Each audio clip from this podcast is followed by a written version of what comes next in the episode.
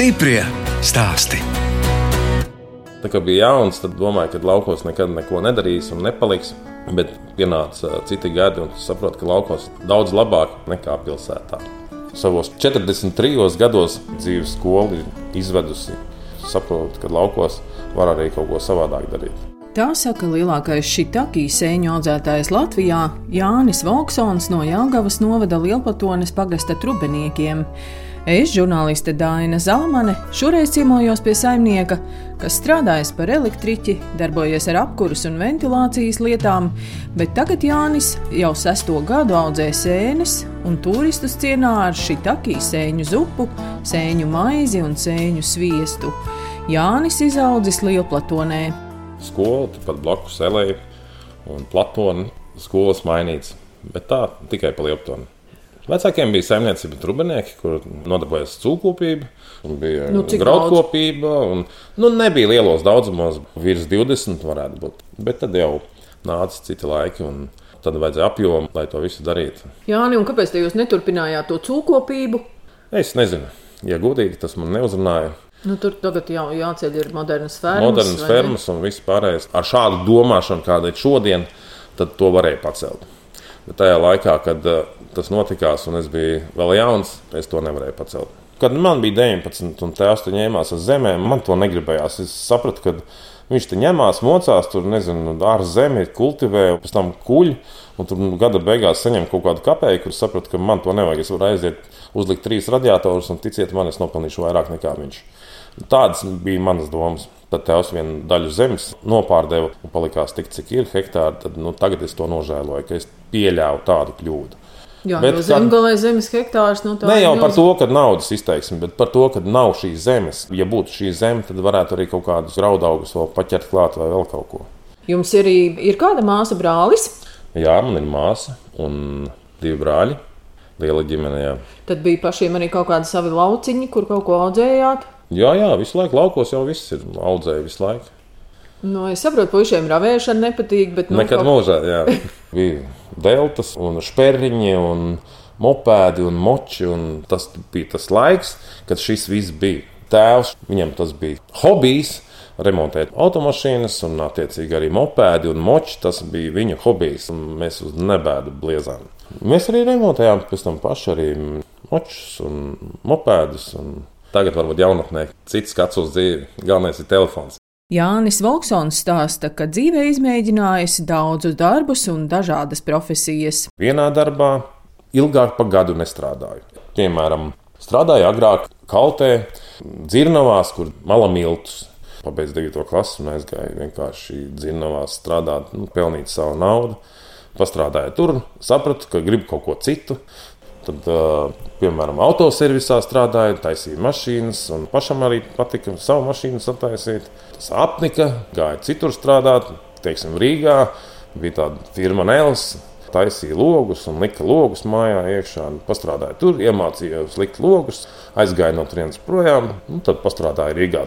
Citā firmā par sagādnieku iemācījos sagādāt, aizgāju uz Rīgas piena kombinātu, pastrādāju par uh, noliktavas pārziņu, iemācījos skaitīt, iemācījos krievu valodu, kā jau Rīgā. Tur lielākā daļa krievi strādā, arī tas dzīvē noder. Tā kā visu laiku šis darbs tika mainīts. Tad es no piena kombināta aizgāju par štatu samazināšanu, piedāvāju bezdarbnieku kursus, elektrību, tad aizgāju reālos kursos, riktīgi iemācījos to, ko cilvēkam trīs gados nejāmāca, mums iemācīja trīs mēnešos.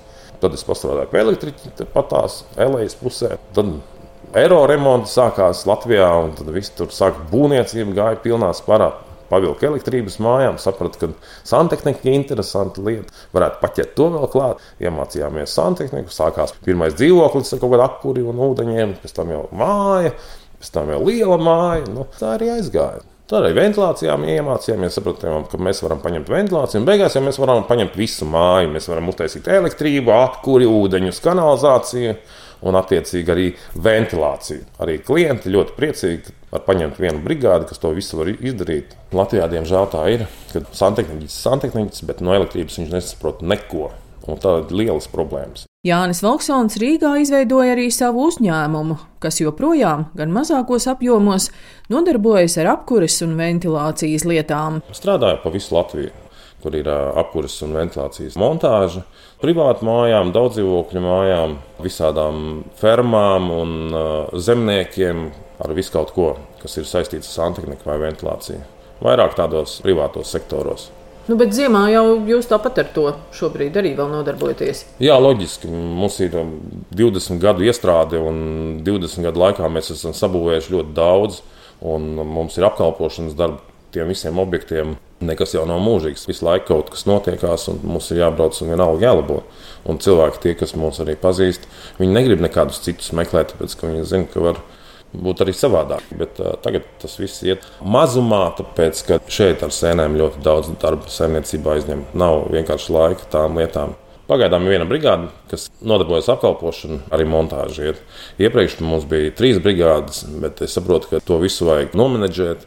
Un man reāli tam neatliek laika. Nu, vienā brigādē cik tad ir vīri? Divi vīri. Oh, nu tad jau Divi. gan tāds maziņš. Maziņš, jā, bet maziņš ved lielu vezumu. Vaicāju, kāpēc saimniecībā trubenieki Jānis izvēlējies audzēt tieši šitakī sēnes. Es domāju, ka varētu arī pacelt šo zemnieku saimniecību, iestādīt kaut ko netradicionālu un lielākos apjomos, tā lai nodarbinātu cilvēkus arī laukos, būtu daudz vienkāršāk. Tāpēc, kad apkurses lietās vai ventilācijas lietās cilvēku apmācīt, vajag vismaz sešus gadus. Sēnes lasīt var iemācīt nedēļas laikā. Mums ir maz zemes, kopā ir 10 hektāri. Visu laiku ir domas, ko varētu iestādīt. Nu, pagaidām tendējam tikai uz sēnēm, bet, ja būs kādas idejas, tad arī nu, kaut ko iestādīt. Augļu kokus? Pagaidām nē. Izmācījos bioloģiskos kursus un vēl visu par audzēšanu. Bija visādas idejas, bet uh, visam ir kaut kāda tehnika, investīcija, vajadzīga ir nauda, un bez tās neko nevar izdarīt. 12 hektāros graudaugus audzēt, vai kaut ko citu, vai dārzeņus. Mūsu Latvijas tirgus piesātināts ar šo visu. Un tāpēc vajadzēja domāt kaut ko ekskluzīvu vai tādu, kur nav konkurences. Sēnes patiesībā ir ļoti smags process. Lai sēnes izaudzētu, pa sešiem gadiem mēs kaut ko esam ļoti apdedzinājušies, teikšu tā godīgi, bet esam daudz iemācījušies. Stiprie stāstī!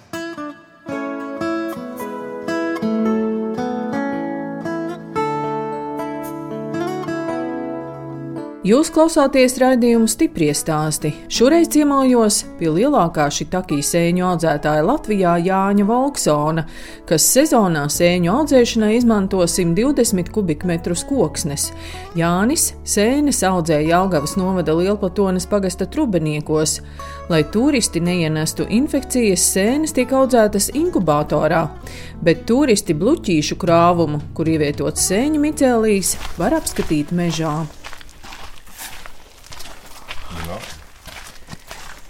Mēs izmantojam baltāksni, melnāksni, ozolu.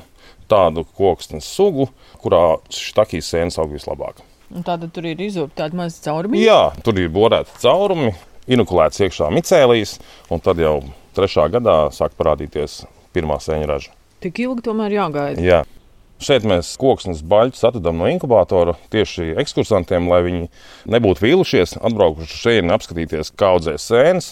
Cilvēki var paši nolaust, pagaršot sēni, redzēt dabā, kāda viņa izskatās. Te ir viens ar ļoti lielām sēnēm, kas ir kā paraugs. Ja uz baļķa izaugs 20 sēnes, viņas būs lielas, izaugs 100 sēnes, viņas būs maziņas. Sēna garšos pēc rieksta, ja redīs vai ķiploka pēcgarša atnāks pēc piecām minūtēm. Patiesībā nav slikta garša arī svaigai. Drusciņi varbūt nu, prasīja to sāli. Jā, nu, parasti šīs sēnes svaigā veidā lieto salātos gaļas vietā, un sēne ļoti veselīga. Ir ļoti sātīga. Šīs sēnes nevar apēst lielā daudzumā svaigas. Un sēnes mums aug pavisam citā vietā. No šejienes aptuveni 5 km attālumā mums ir inkubators, kur mēs sēnes audzējam visu gadu.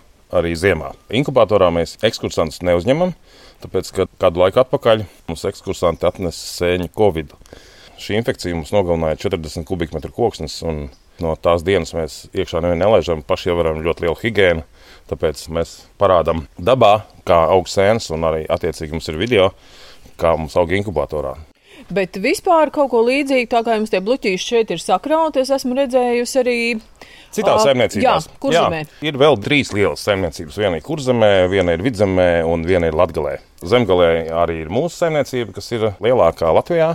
Saimniecība, kas audzē šīs sēnes, mūsu sēnes ir pieejamas visu gadu. Ko nozīmē lielākā Latvijā? Tas ir cik liels apjoms? Nu, mums stādām katru sezonu virs 120 kubikmetriem koksnes. Tas ir ļoti ievērojams apjoms. Micēlī mēs iegādājamies Holandē, katru gadu iepērkam, un koksne tiek iegādāta šeit pat Latvijā no tirgotājiem, kas tirgo koksni, kas nav ķīmiski apstrādāta. Tāpēc, kad uh, mūsu saimniecība ir bioloģiskā saimniecība, visas sēnes ir bioloģiskas, un mums jāiepērk ar ķīmiski neapstrādātu koksni, lai mēs varētu stādīt šīs sēnes iekšā. Tas nozīmē, ka koksne ar certifikātu. Tas nav nepieciešams. Mums ir tikai apliecinājums izziņas veidā, ka šī cirsma nav apstrādāta ķīmiski. Ja arī viņa būtu apstrādāta ķīmiski, mēs neieaudzētu šī takī sēni. Vienkārši neaug. Jūs jau minējāt, Jāni, ka tomēr ļoti daudz kļūdas ir bijušas sākumā. Arī tagad ir jau arī sestais gads, un esam pieļāvuši atkal kārtējo kļūdu. Šoreiz bija karsta vasara un nenokontrolējama temperatūras sēņu mājās. Un uh, koks bija karstu, pa karstu, jā, un koksni liela daļa mums atkal ies bojā. Bet ko darīs? Tāda ir dzīve. Tā jau mēdz teikt, ka lauksaimnieki, cik ir atkarīgi no dabas apstākļiem, tad arī ar tām sēnēm ir visādi. Ar sēnēm arī visādi ir. Jā. Vienkārši ļoti daudz faktoru, kurus jākontrolē visu laiku. Bet ko īsti nozīmē tas inkubators? Nu, tas ir tāds atsevišķs namiņš vai kas tas Nē? Tā ir tāda dzīvojama ēka, kas ir siltināta. Vasarā tur notiek dzēsēšana. Mums vajag 17 grādus temperatūru, kā ziema, tā vasara. Un uh, vasarā iet dzēsēšana iekšā. Tur nedara siltumnīca, tur nedara nekāda saules stari un vēl vispārējais. Tiklīdz būs saules stari, tā būs uzreiz klāta draugi infekcijas. Redziet, katra sēne aug pie savas temperatūras. Šī tākī sēnes, ko mēs audzējam, šī ideālā temperatūra, kas mums ir 17,1 grāds. Pie šīs temperatūras sēnes aug vislabāk. Ja būs temperatūra plus 25 iekšā, sēnes neaugs vispār. Vai no augsts ļoti kroplīgas.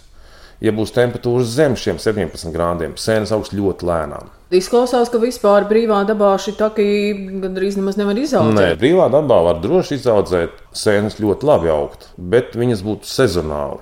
Tātad viņas parādītos pavasarī, kad siltais laiks uznāk mitrais. Vasaras periodā, ja līs lietus ārā, tad izaugs sēnes. Nu, un rudenī izaugs sēnes, tad būs mitrā siltā vēl sezona. Mēs šīs sēnes lasām savam patēriņam, bet pārstrādējumu veikaliem mēs tikai un vienīgi ņemam no inkubatora. Tāpēc, ka tur netiek neviena muša iekšā, neviens stārpiņš netiks iekšā. Šīs sēnes būs kvalitatīvas. Tas ir pietiekami arī tāds dārgs produkts. Jā, tas ir, tas ir ļoti, ļoti dārgs produkts. Teikšu godīgi, devām restorānos, kad nebija Covid laiks. Tagad sēnes neiet restorānos, tāpēc, ka apmeklētāji maz un restorāni arī uz izdzīvošanu iet. Bet, uh, kad mēs piedāvājam savu cenu, viņi stāsta, ka lielopu gaļas steiks maksā līdzīgi jūsu sēnēm. Kāpēc tas tā ir? Nu, bet cilvēki neiedomājās, cik sarežģīti ir izaudzēt šī sēne, cik ilgs process tam visam ir. Šī sēne iestādot, pirmā sēne jau parādīsies otrā gada beigās. Bet tur ir tikai pāris sēnītes, ko mēs neuzskatām par ražu. Tad uh, trešā gada vidū vai trešā gada sākumā jau ir tiešām nopietna pirmā raža kur var jau novākt lielu daudzumu sēņu. Bet tad, kad jūs nolēmāt audzēt sēnes, jūs arī braucāt un skatījāties, kā citi saimnieki to dara? Jā, tajā laikā, sešus gadus atpakaļ, mēs braucām pie viņiem, ievākt informāciju, kā pareizi izaudzēt šo tādu sēni. Un saimnieki arī stāstīja? Ja godīgi, tad uh, kurzemes saimnieks skopi ar informāciju pasniedz, bet kaut ko mēs izvilkām. Tad uh, vidzemē mums skaidri un gaiši viss izstāstīja, kā kas ir jādara. No alojas puses, kas audzē šīs sēnes, onkulis, kā mans skolotājs, imants. Viņa sirdslieta tirgot tirgu un audzēt pirtiņā. Vai, vai... Bet viņam ir tādos nelielos daudzumos. Nelielos daudzumos, jā. Mēs pagaidām izaudzējam aptuveni 5 tonnas sēņu gadā. Pagaidām. Inkubators nav noslogots ar 100%, uz doto mirkli iet kaut kādos 50%. Bet tā ir tikai pirmā būvniecības stadija. Mums ir inkubators uzbūvēts 50% telpas, lai sāktu lielākus daudzumus audzēt. Tātad inkubatora platība tagad ir 300 km2, tātad pēc gadiem, diviem jau taps pa 600 km2. Un kur nu, jūs liksiet tās sēnes? Ir mazie ekoveikaliņi, interneta veikali, tādi svaigi LV, neganti gārdi. Tāpat Jālgavā iecēnos var iegādāties mūsu produkciju. Ir arī Skype veikalos, svaigās sēnes. Visu gadu. Bet par kaut kādu eksportu arī jūs domājat? Pagaidām mēs eh, nedomājam, mums vajag apjomu. Mēs nevaram tagad vienu mēnesi iedot eksportu, un tad otru mēnesi nedot neko. Nu, mums ir tā, ka sēna nogriež, ieliek dzēsēšanas telpā, tad sēnes tiek safasētas un nodotas patērētājiem veikaliem. Vai cilvēks pat taisnīgi iegādājās, tad šo sēnu var uzglabāt leduskapī divas nedēļas. Pēc divām nedēļām šī sēna atvērsies un izlaidīs iepakojumās poras, un tad sāks bojāties. Svaigā nu, veidā. Bet ko tad nu vairs glabās tajā leduskapī, ka jau ir nopirkta, tad ir jāēd? Tieši tā. Cilvēkiem parasti šis jautājums vienmēr ir, cik ilgi var glabāt tiem, kuriem grūti tos termiņus ievērot, nu, ir taču sēņu pulveris, kaltētas sēnes. Jā, tas ir uh, vislabākais veids sēnes pārstrādāt kaltētā veidā. Mēs pieņemsim kaltējumu sēnes ļoti zemās temperatūrās, saglabājās visi vitamīni iekšā. Un tad jau šo pulveri uzglabāt vai kaltētas sēnes gadu. To pulveri tad gatavo no kaltētām sēnēm? Jā, lai sakaltētu vienu kilogramu kaltētās produkcijas, mums ir nepieciešami 15 kg svaigu sēņu.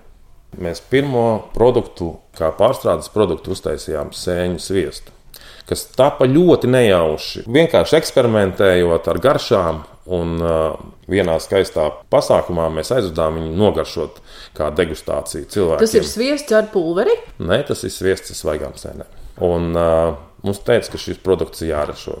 Un tad mēs vēl ilgi šo produktu modernizējām, pēc garšas vairāk, un tad šis produkts mums ir kā top produkts. Bet pie mums saimniecība atbraucot uz vietas, ko mēs pasniedzam sēņu zupu, vegetāro, kā jūs padegustēsiet sēņu zupu ar sviestu. Tā tad mums maizi. vajag maizi. Un tad arī tapa maize, kas ir bezrauga maize ar kviešu rudzu miltiem sēklām iekšā, sēņu pulveri. Un šis kopsalikums, sēņu sviests ar sēņu maizi un sēņu zupu, vienkārši rulē jebkurš no turistiem atbraucot, viņš vēlās arī kaut ko iegādāties. Un nedod Dievs, šeit nebūs ko nopirkt. Mums pirmos gadus bija ļoti smagi ar turistiem. Tas, ka mums bija ļoti mazs inkubators, mēs pirmo inkubatoru uztaisījām 6 km2 platībā, kurš trīs gadus ražoja. Un mēs eksperimentējām. Un tad mums šo sēņu bija maz. Un mums nācās sēnes iepirkt no visiem Latvijas sēņu audzētājiem, kas audzē šitakīs sēnes, lai mums būtu ko zupā ielikt. Tiklīdz piesakās lielas grupas, un zvani uz vienu saimniecību, viens pasakā, mums tikai jūnijā sēnes ir, un otrs saimniecība, man jau viss ir rezervēts kafejnīcām vai restorāniem. Un speciāli citreiz nācās braukt uz āloju pakaļ diviem kilogramiem šitakīs sēņu, lai būtu ko zupās ielikt. Latvijā var nopirkt arī veikalos sēnes, vai, pieņemsim, bāzēs var nopirkt sēnes, kas nav Latvijā audzētas piemēram, sēnes, kas pasēdas Lietuvā, bet reāli šī sēne ienāk no Ķīnas. Un šo sēni neaudzē uz koku baļķiem, viņa aug uz papīra substrāta blokiem. Un šī sēna garšo pavisam savādāk. Mēs tādas iepirkām, pamēģinājām zupā ielikt un sapratām, ka nekas tur nerulē. Tad, tas tāds sākuma smags process bija.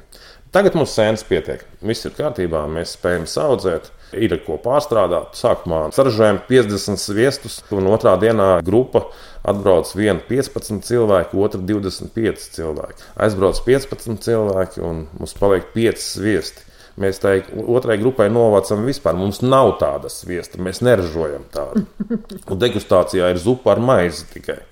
Un cilvēks ir atbraucis otrajā grupā speciāli nopirkt mūsu sviestu kurš jau bijis vienu reizi. Kā nērtā situācijā nostādīja, kad vienkārši mēs sakām, ka mums nav sviesta. Mēs pagājušo reizi bijām, jums bija. Bet tagad mēs ražojam vairāk un visiem pagaidām pietiek. Mums ir ļoti vienkārši. Ja mēs redzam, ka vajadzīgs būs apjoms, mēs pieaudzam apjomu. Tagad, pieņemsim, nāk vasaras otra puse un sāk parādīties mežā sēnes, un cilvēki iet uz mežu. Mēs zinām, ka pirktspēja būs mazāka.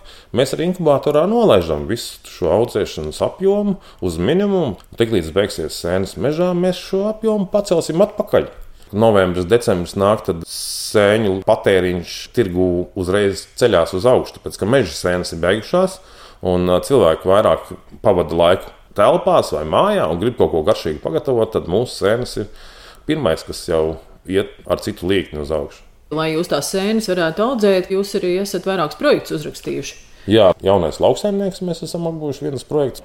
Inkubātoru būvniecībā mums vajadzēja iekārtas, un otrs ir turisms un pārstrāde. Vajadzēja iekārtas kaltēšanai, griešanai, malšanai, šeit telts un zupas māja un labierīcības, un tā lai cilvēki atbrauktu, lai viņiem tiešām būtu patīkami atbraukt. Pieņemsim vēl viens projekts, kas ir trešais projekts. Mēs iegādājāmies traktoru tehniku, ar ko pārvadāt koksni. Tāpēc koksnes ir nenormāli daudzumi krāmējām uz paletēm. Uz vienas paletes divu kubikmetru koksnes. Šī palete ar traktoru tehniku pārved uz šķūņiem, kur aug divus, trīs gadus.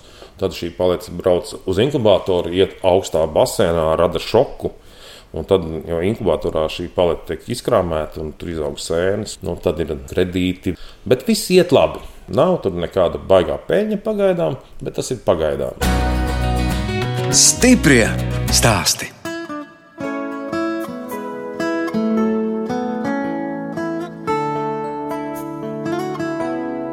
Skan redzējums stipri stāsti. Turpinu ciemoties pie Jāņa Volksona, Jāgavas novada Lielplatones pagasta trubeniekos.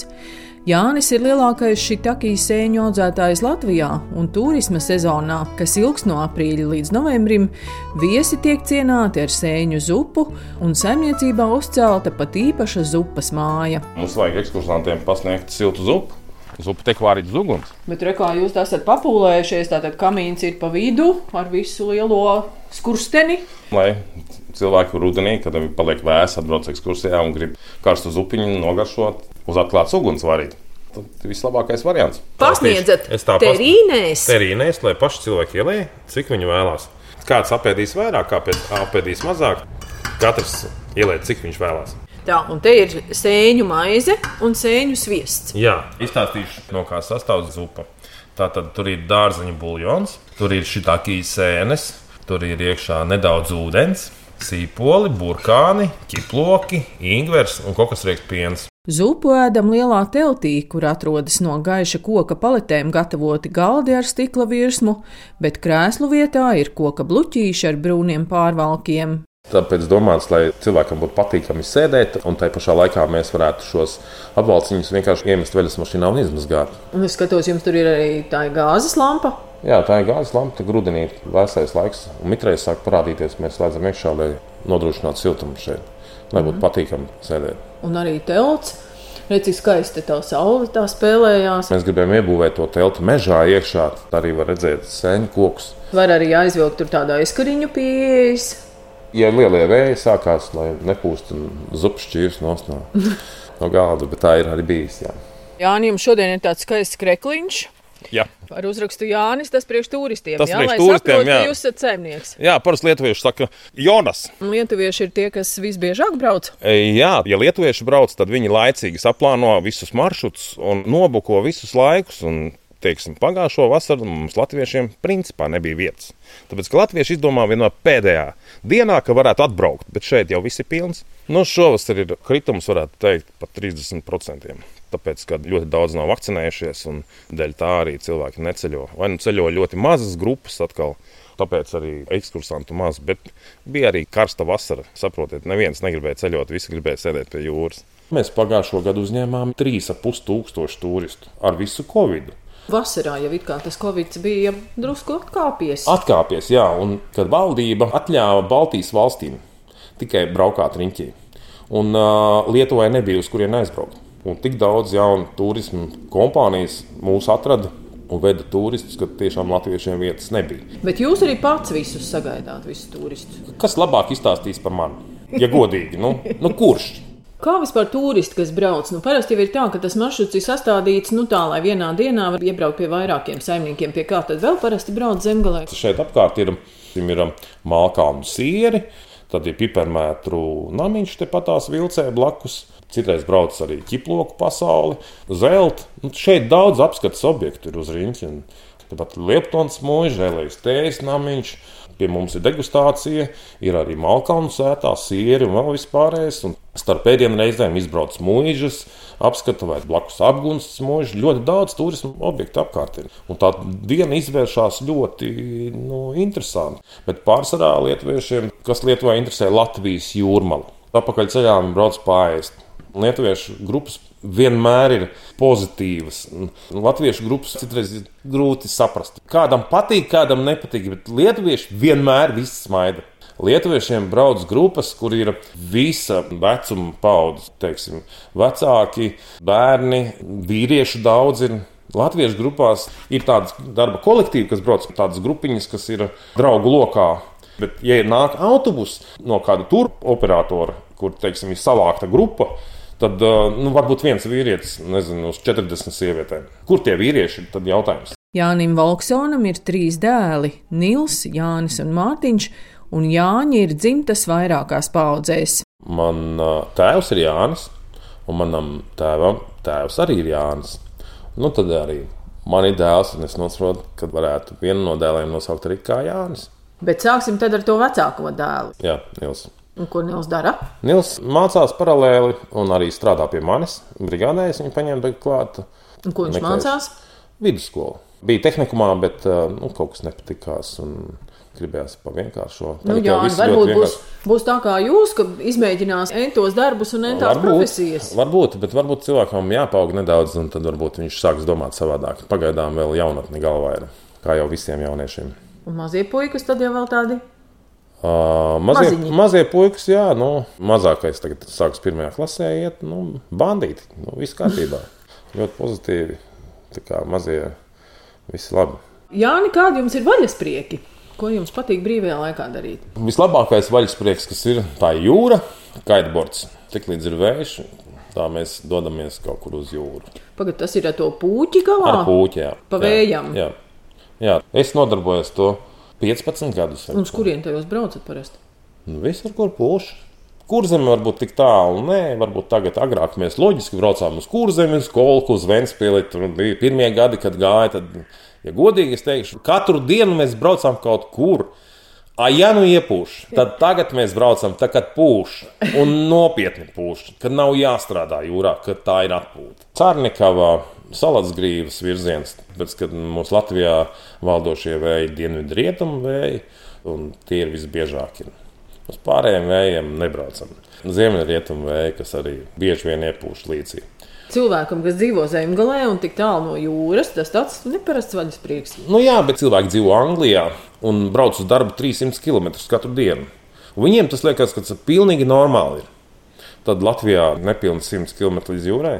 Tas nav tā. Ārzemēs jūs arī esat padzīvojis, pastrādājis. Kādreiz bija doma bērnībā, varēja tikt uz Vāciju, strādāt. Doma bija, bija pat kaut kas atrunāts, bet kaut kas tur sabruka vai nobruka tajā visā. Tā es arī neesmu bijis strādāt ārzemēs. Ne. Kāpēc jābrauc uz ārzemēm, ja tepat Latvijā viss labi ir? Vajag tikai darīt. Ja tu darīsi, tad jau viss būs arī Latvijā. Jūs teicāt, ka jūs eksperimentējat arī ar citām sēnēm. Kas tās ir par sēnēm citām? Ko, ir, ko jūs gribētu audzēt? Doma jau visu laiku ir, ka mēs varētu pakāpeniski vēl kādu sēni iestādīt. Un um, mums ir eksperimentālā kārtā sastādīts vairākās koksnes sugās - dzeltenā austersēne, rozā austersēne, tad sēne reiši vai Latvijā vienkāršos vārdos saukta nemirstības sēne Tad ir um, sēne Maitakē, kas arī ir Japāņu sēne, kas arī restorānos pieprasīta sēne. Bet uh, vienai sēnē tikai redzam, kas ir rozā ostersēne, kur ir redzams ieaugums, ir veidojās šovasar tika iestādīts. Pārējā sēnes pagaidām neko nevar pateikt. Šī tā ir atstrādāts, jā, šī tā ir nav problēmas. Mēs stādām un ieaugums uzreiz jau redzams ir otrajā nedēļā pēc stādīšanas.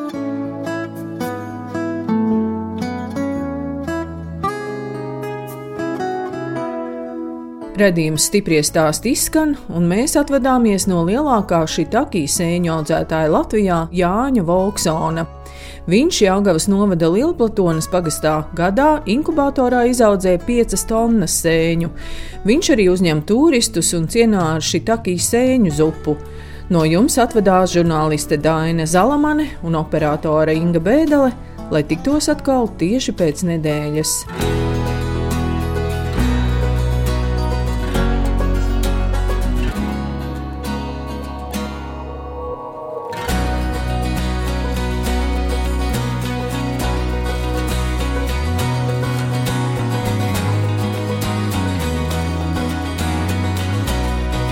Stiprie stāsti.